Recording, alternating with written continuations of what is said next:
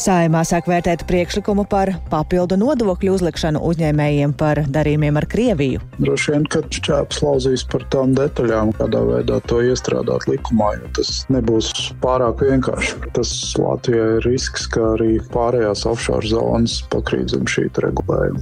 Donoru valstu lēmums pārtraukt finansējumu ANO palestīniešu bēgļu aģentūrai izraisīs katastrofālas sekas Gazas joslai, ceļ trauksmi vairākas ANO aģentūras un Rīgas budžetā ieņēmumi šogad augšot straujāk nekā izdevumi.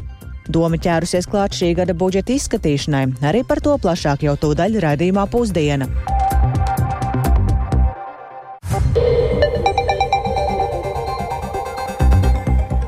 Divpadsmit un piecas minūtes ēterā raidījums pusdiena ar plašāku skaidrojumu par 31. janvāra svarīgākajiem notikumiem. Studijā Dāca Pēkšēna esiet sveicināti! Papildu nodoklis darījumiem ar Krieviju. Šādu iniciatīvu jau iepriekš ir atbalstījuši vairāk nekā desmit tūkstoši iedzīvotāji, un nu tā ir nonākusi saimas mandātu ētikas un iesnieguma komisijā, kur tieši šobrīd to sāk apspriest, un šai idejai ir arī politiķu atbalsts, tomēr par galīgajiem risinājumiem vēl ir neskaidrība, un vairāk par iniciatīvas mērķiem Jāņa Kīņš ierakstā. Fonds uzņēmēju mieram decembrī pieteica kolektīvo iniciatīvu ar vēlmi panākt likuma izmaiņas, lai visiem maksājumiem uz melnā saraksta jeb sankcijām pakļautajām jurisdikcijām, ieskaitot Krieviju, piemērotu 90% ieturējuma nodokli. Iniciatīvas iesniedzēji pieprasa atcelt iespēju valsts ieņēmumu dienestam ļaut nepiemērot ieturējuma nodokli Krievijas uzņēmumiem, kā arī aicina publiskot summas, par kurām jau nepiemēro ieturējuma nodokli Krievijas uzņēmumiem. Iniciatīvu portālā Mana balss LV idejas iesniegšanai saimā nepieciešamos desmit tūkstošus parakstu savāca vien pāris nedēļu laikā. Par iniciatīvas turpmāko paredzamo virzību stāsta saimas mandātu ētikas un iesniegumu komisijas vadītājs Jānis Vucāns no Zaļo zemnieku savienības. Tā kā šis jautājums jau arī valdošā koalīcijā ir apspriests, nu, būs, protams, informācijas uzklausīšana, bet visdrīzāk tas tiks atdots budžeta komisijai tālākai vērtēšanai būs kaut kāds valdības priekšlikums visdrīzāk, ja es tā paredzu. Jo tajā virzienā mēs iesim, bet, bet mandāta komisija nav tā, kas meklē tehnisko risinājumu. Mandāta komisija ir tā, kas konceptuāli pasaka, vai jautājums ir aktuāls un vai viņu vajag tālāk risināt. Importi no Krievijas apjomi ir samazinājušies no 2 miljardiem eiro līdz pusmiljardam eiro pagājušajā gadā, kas aizvien ir liels apjoms, un tas nozīmē arī finansiālu ieguldījumu Krievijas militārajos tēriņos. Tā priekšlikumu šādiem maksājumiem uz Krieviju piemērot paaugstinātu 90% nodokļu likmi jau iepriekš pamatojas fonda uzņēmējiem mieram pārstāvis advokāts Jānis Taukačs. Šodien viņš atzīst, ka regulējuma izstrāde vēl prasīs daudz darba cik ātri tie paraksti tiks savākti. Tas nozīmē, ka tā ir nu, aktuāla tēma visos līmeņos. Droši vien, ka šķēps lauzīs par tām detaļām, kādā veidā to iestrādāt likumā, jo tas nebūs pārāk vienkārši. Protams, ka var to visu iestrādāt tieši tā, kā mēs piedāvājam, bet tas Latvijai ir risks, ka arī pārējās offshore zonas pakrīt zem šī regulējuma. Saimnes mandātu ētikas iesnieguma komisijas sēdē par šo priekšlikumu aicināt izteikties gan valsts ieņēmuma dienesta, gan ekonomikas ministrijas, gan ārlietu ministrijas pārstāvji. Jānis Kincis, Latvijas radio. Tik tālu par plānoto, bet vairāk jau par šodien saimnes komisijā lemto un izskanējušiem argumentiem tad stāstīsim raidījumā pēcpusdienā. Bet kamēr tiek domāts par aizvien jaunām sankcijām vai apgrūtinājumiem Krievijai cenšoties kaut kā ierobežot iespējas tai pastrādāt nežēlības pret Ukrainu, tiek domāts arī par to, kā palīdzēt tiem, kas jau no tās cietuši. Un šodien un rīt Rīgā Latvijas Nacionālajā bibliotekā notiek starptautiska konference Krievijas karš pret bērniem. To apmeklē arī vairākas Ukrainas un citu valstu amatpersonas un eksperti, un šobrīd mums tiešēdē pievienojas Rihards Plūmem, lai par šīs konferences mērķi izstāstītu vairāk. Sveiks, Rihard! Jā, labdien! Nu, kā skaidro konferences organizatori, tad uh, bērnu nolaupīšana no konfliktu zonām ir klājš 4. Eh, Ženēvas konvencijas pārkāpums un šausminošs kara noziegums. Un tā kā miljoniem ukraiņu bērnu kara dēļ ir guvuši arī psiholoģiskas traumas, eh, tas ir saucams būtībā par Krievijas eh, karu pret bērniem un tiek norādīts, ka piespiedu kārtā uz Krieviju vai Baltkrieviju ir pārvietoti vai pār, piespiedu kārtā pārcelti teju 20 tūkstoši bērnu no okupētajām Ukrainas teritorijām, gandrīz 4400 nolopīto bērnu ir bāreņi vai bez apgādības palikuši bērni, un līdz šim ir izdevies atgūt tikai teju 390 bērnus, tātad atgriezt atpakaļ Ukrainā. Un šajā konferencē tiks uzklausītas atgūto bērnu liecības un stāsti, tiks runāts par to, kas tiek darīts un kas vēl ir jādara, lai arī palīdzētu tiem bērniem, kas ir atgriezušies no eh, Krievijas vai eh, Baltkrievijas, dažādos veidos palīdzēt, eh, tostarp, protams, psiholoģiski. Un um, tāpat tiks apspriesti politiskie un juridiskie aspekti, proti, kā panākt to, ka vainīgie tiek politiski un arī juridiski sodīti, kādu juridisku mehānismu tad izveidot, lai eh, sodītu arī ne tikai tos vainīgos, kas um, tagad nolaupījuši ukraiņu bērnus, bet kā, kā sodīt arī potenciālos noziedzniekus. Um, nu, nākotnē, no kā, protams, to nevar izslēgt, kad uh, līdzīgas lietas var atkārtoties kaut kur pasaulē, arī citvieta nākotnē. Mērķis ir arī starptautiskajai sabiedrībai atgādināt un norādīt uz uh, šo te bērnu piespiedu aizvešanu, būtībā deportāciju un Mm, tas ir, eh, ka tas ir noziegums un eh, kas tas vispār ir. Un eh, to labāk, protams, izprotam mēs šajā Eiropas daļā, bet nu, to netik labi varbūt izprot Eiropas rietumos un dienvidos. Un runa te nav tikai par vienkāršiem cilvēkiem, bet nu, arī to starp politiķiem. Uh, Un nobeigumā jāmin, ka konferencē attālināti un klātienē piedalīsies eh, virkne amatpersonu no Ukrainas, arī no Latvijas, tos tur bijušie valsts prezidenti Egils Levits un Vērviģa Freiberga, eh, dažādi ārvalstu politiskie un juridiskie eksperti un arī mm, Ukrainas prezidenta kundze Olena Zelenska. Eh, tātad diskusijas jau šajā konferencē sākas un, un darba grupas sākas jau Šodien tā, oficiālā atklāšana un visintensīvākā un piesātinātākā diena ir gaidāma rīt. Noteikti arī vēstīsim par to, kas tiek apspriests konferencē, gan ziņu izlaidumos, gan arī kādās dažās plašākās intervijās ar tiem, kas konferenci apmeklē un tajā uzstājas. Paldies! Pagaidām saka Rihards, nekur tālu vēl nedodies, jo sarunu turpināsim, bet vēl par konferenci. Tad viena no tās iniciatorēm un organizatorēm ir Bērnu slimnīcas fonda vadītāja Liena Dambiņa, kura kolēģim Kristapam Feldmanim radījumā labrīt šorīt uzsvēra, ka, diemžēl, aizvien turpinās ne tikai karš, bet arī Krievijas pastrādātie noziegumi pret Ukrainas bērniem, kuri aizvien tiek deportēti, tāpēc ir svarīgi runāt par to, kā palīdzēt viņiem nonākt atpakaļ Ukrainā un paklausīsimies fragmentu no Dambiņas teiktā tas kopskaits bērnu līdz šim zināmais, un tā ir tikai oficiālā statistika, tāpēc Ukraiņa pieļauj, ka skaits varētu būt krietni lielāks. Tie ir aptuveni 20 tūkstoši. Mhm. Aptuveni, žēl tikai ļoti maza daļa, nedaudz vairāk par 500 bērniem, ir tikuši atgriezti Ukrainā.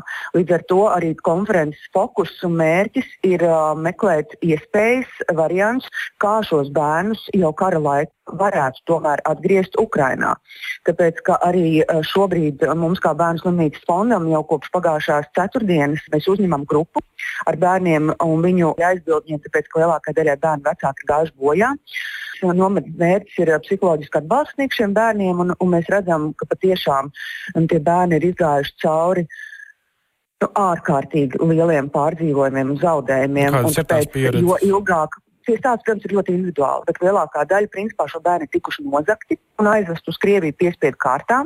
Arī tādi bērni, kuriem, piemēram, vismaz vecāki ir dzīvi un būtu varējuši par viņiem rūpēties. Kādam no bērniem arī viens no vecākiem ir bijis dzīves, jā, un būtu varējis par viņiem rūpēties. Un tad, uh, tur nokļūstot Krievijā, viņi ir ievietoti dažne dažādās iestādēs, viņiem ir piespiedu kārtā mācīta krievu valoda, viņiem ir stingri pieteikts nekādā veidā nesarunāties savā valodā, un kad uh, Ukrainas himnu vai slava Ukrainai nedrīkst teikt.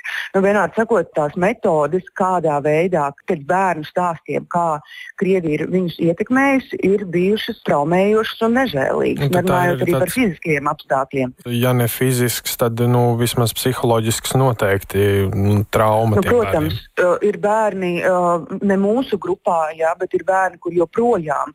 Jo pēc vairākiem mēnešiem, kad viņi ir atgriezti Ukrajinā, viņi ceļas no rīta agrumā, automātiski lec kājās un dzied Krievijas himnu. Tas ir bijis ļoti liels terors. Konferencē publiskas liecības sniegs Ukrainas bērni, kuriem izdevies Jā. atgriezties mājās no gūsta Krievijā.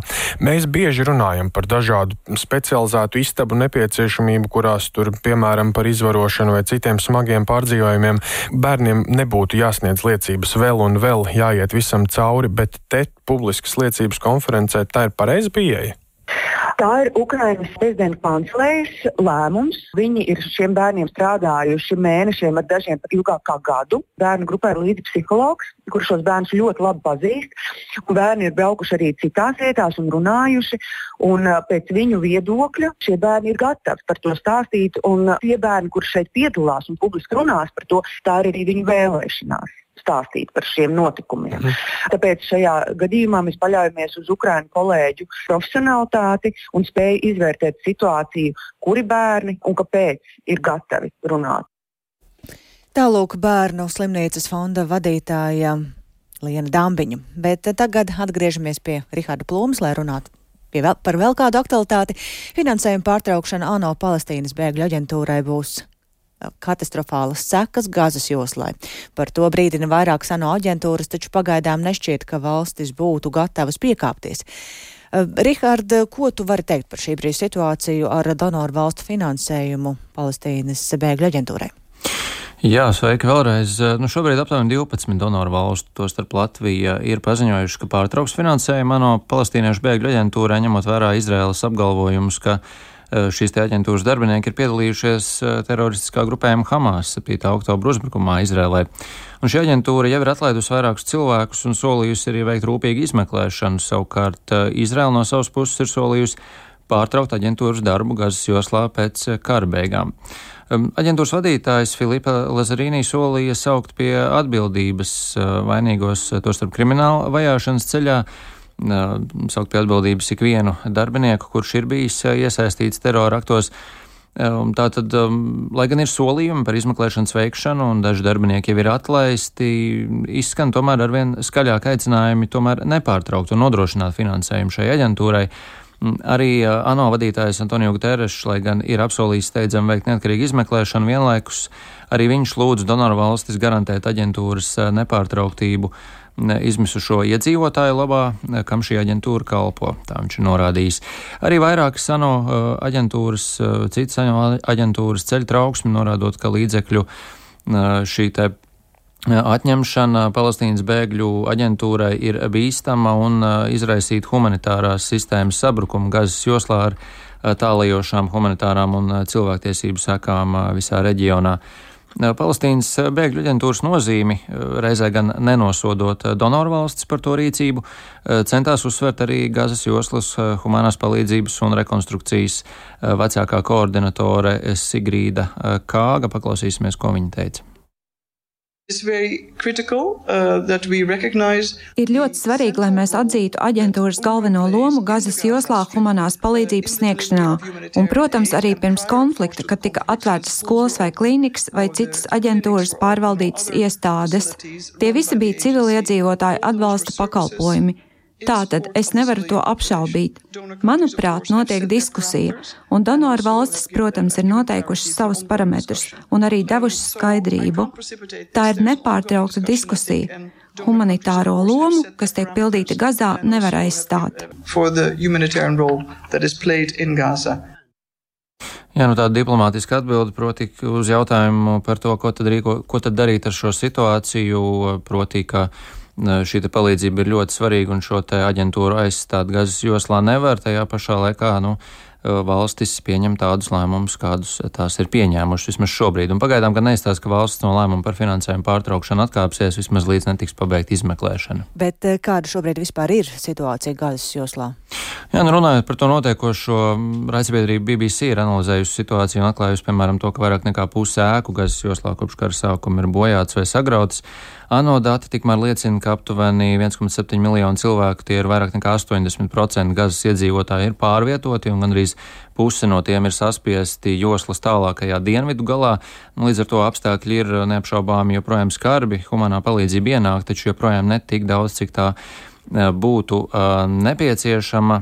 Gazas joslā arī turpinās kaujas, un Izraels armija apludina Gazas joslas tuneļus, lai iznīcinātu šo pazemes tuneļu tīklu, kuru Hamas izmantoja uzbrukuma veikšanai un tuneļos arī tiekot turēti daudz no Hamas sagrautajiem ķīlniekiem, kas joprojām atrodas Gazas joslā.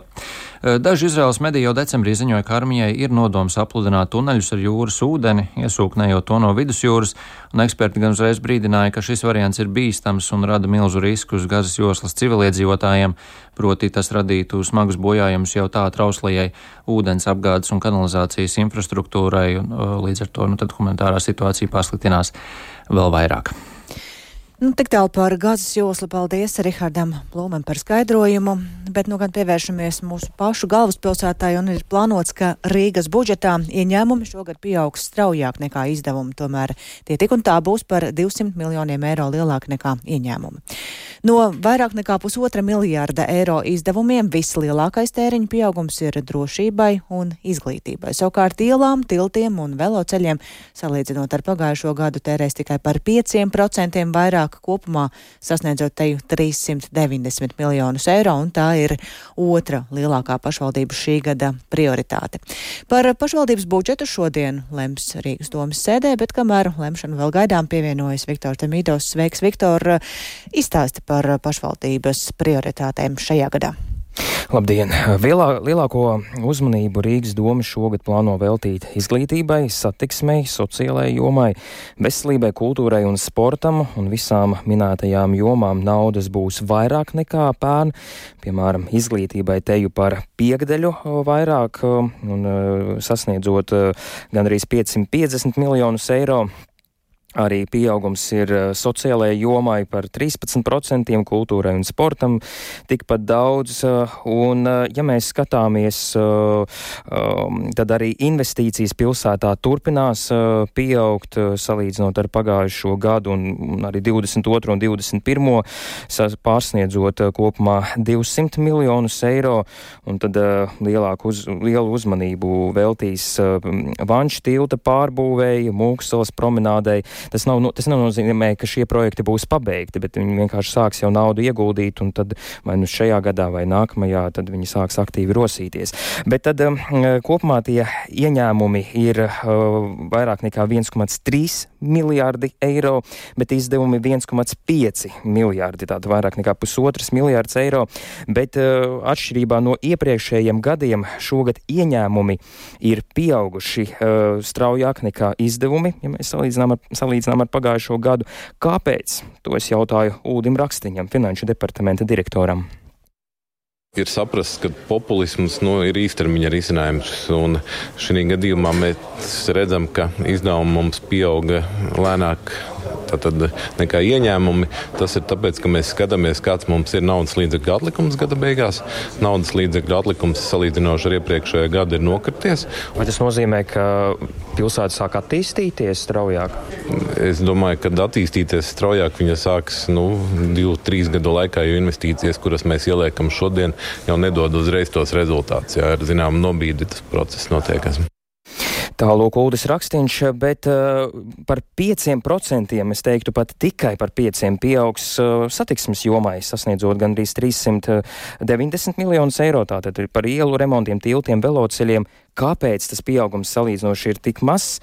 To es jautāju uh, mēram Vilnim Kirsim. Satiksme ir ļoti liela joma. Un šis procentuālais pieaugums jau tāpat ir absolūtos skaidros, ir ļoti milzīgs. Jā. Tad, tad 5% tiešām ir absolūtās summās ļoti liels e, rādītājs. Un, kā jau teica mērs, tā ieskriešanās notiks tikai tagad. Ja mēs runājam par dienvidu tiltu Kundīnas salu, ja, tad šogad mēs šos darbus uzsākam un to nu, kā akmens veļās no kalna, tad tie pamatdarbi jau aizies uz 25. gadu. Dzirdējām arī Finanšu departamentu direktoru Rūdi Rakstiņu. Jā, nu daudz ieceru, bet uh, ko par pašvaldības budžeta plānu saka opozīcija?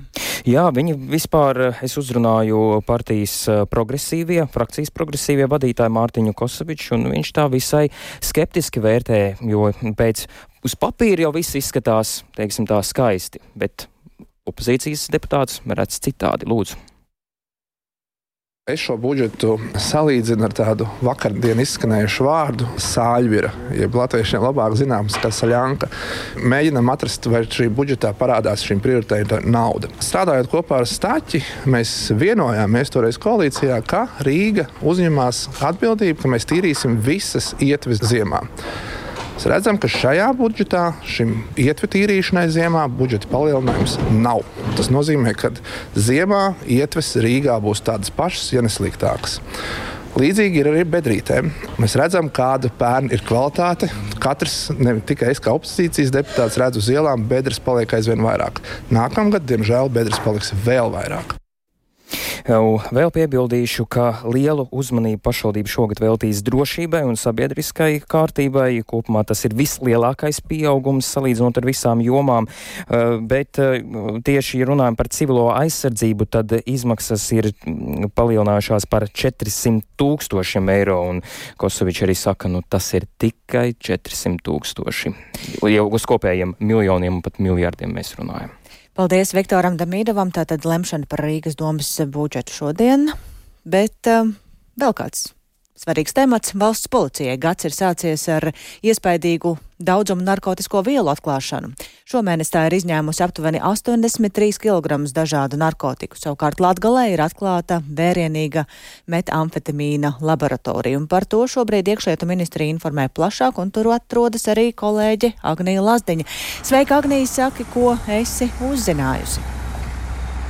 Uh, labdien! Jā, tad uh, valsts policijas Rīgas reģiona pārvalde sadarbībā ar citām struktūra vienībām veica šo pēdējo gadu li laikā lielāko metamfetamīnu izņemšanu, atvasinot apmēram 50 kg metamfetamīna, 550 g kokaīna un apmēram 1000 litru prekursoru. Un aizdomās par narkotiku izgatavošanu, glabāšanu un realizēšanu aizturēta organizēta noziedzīga grupa.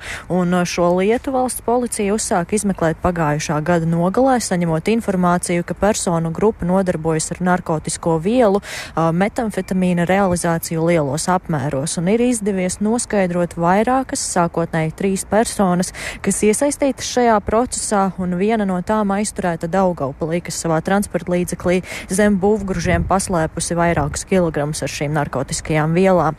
Bet veicot turpmākās izmeklēšanas darbības, tad Daugaupalī lauku viensētā veikta kratīšana, kur konstatēti ierīkoti aprīkota laboratorija, Un uh, šobrīd ir aizturētas trīs personas, bet divas vēl atrodas meklēšanā, tostarp starptautiskā, jo viena no personām tikusi šajā procesā pieaicināta no ārzemēm kā ķīmiķis, lai šīs vielas gatavotu.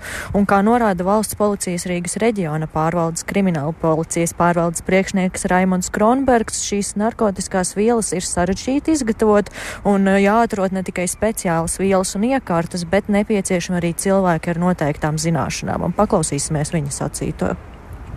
Izgatavotais apjoms liecina par to, ka uh, labi organizēts, plānots šis biznesa bijis. Latvijas mērogā diezgan uh, liels tas apjoms.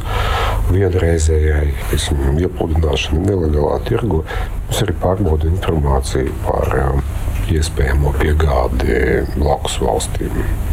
Igaunijā, Skandināvijā, pieņemsim, pēc šajā jomā notiek arī starptautiskā līmenī komunikācija kolēģiem par šīm aizturētām personām.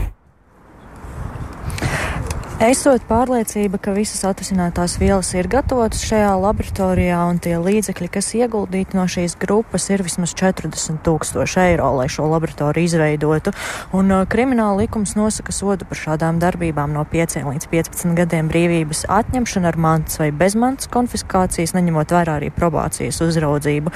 Šobrīd izmeklēšana turpinās, tiek identificēti arī investori, proti personas, kas ieguldīja līdzekļus, uh, lai šo laboratoriju varētu izveidot un personu skaits noteikti būšot lielāks nekā šīs trīs personas, un narkotisko vielu vērtība, kas tika atvasināta, varētu sasniegt līdz pusmiljonam eiro. Un uh, kopumā, ja mēs runājam par narkotiskajām vielām, tad Rīgas reģiona apkalpojumā teritorijā no narkotisko vielu nelegālās aprites uh, pērn tika atvasināti vairāk kā 224 kg dažāda veida narkotisko vielu, un uh, šis izņemtais daudzums summā varētu būt gandrīz pie 4 miljoniem miljoniem eiro. Un paklausīsimies valsts policijas Rīgas eh, reģiona pārvaldes priekšnieka Jūra Staļģeviča sacīto. Protams, uzreiz arī rodas noteikti jautājums, kādas ir tās izplatītākās narkotikas vielas. Tātad viennozīmīgi tā ir vairāk kā 140 kg marihuānas, 31 kg amfetamīns, MDMA uh -huh. vielas 36 kg, vairāk kā 5 kg kokaīns, fentanīls, tātad šī sintētiskā viela, runājot vairāk kā 4 kg izņemts. Tad runājot par šo spēcīgo fentanīlu, kas ir 4 kg, lai arī jūs saprastu, tie ir vismaz 40 tūkstoši dozu. Tāpat viņš arī norāda, ka ņemot vērā, ka šis gads ir iesācies un ir bijušas jau vairākas aizturēšanas, tad noteikti arī turpmākais būs, gads būs tikpat aktīvs šajā jomā. Dace? Paldies Agnijai Lazdiņai, ar kur runājām par izņemtajām narkotikām un vērienīgo laboratoriju, kurā paspēts saražot preci ap pusmiljonu eiro vērtībā. Un ar to tad arī izskan raidījums pusdiena. To producēja Lauris Zvēnieks, ierakstus montēja Uldis Grīnbergs, par labskaņu rūpējās Jāna Dreimane un ar jums sarunājās Dāca Pēkšēna. Uz tikšanos atkal rīt!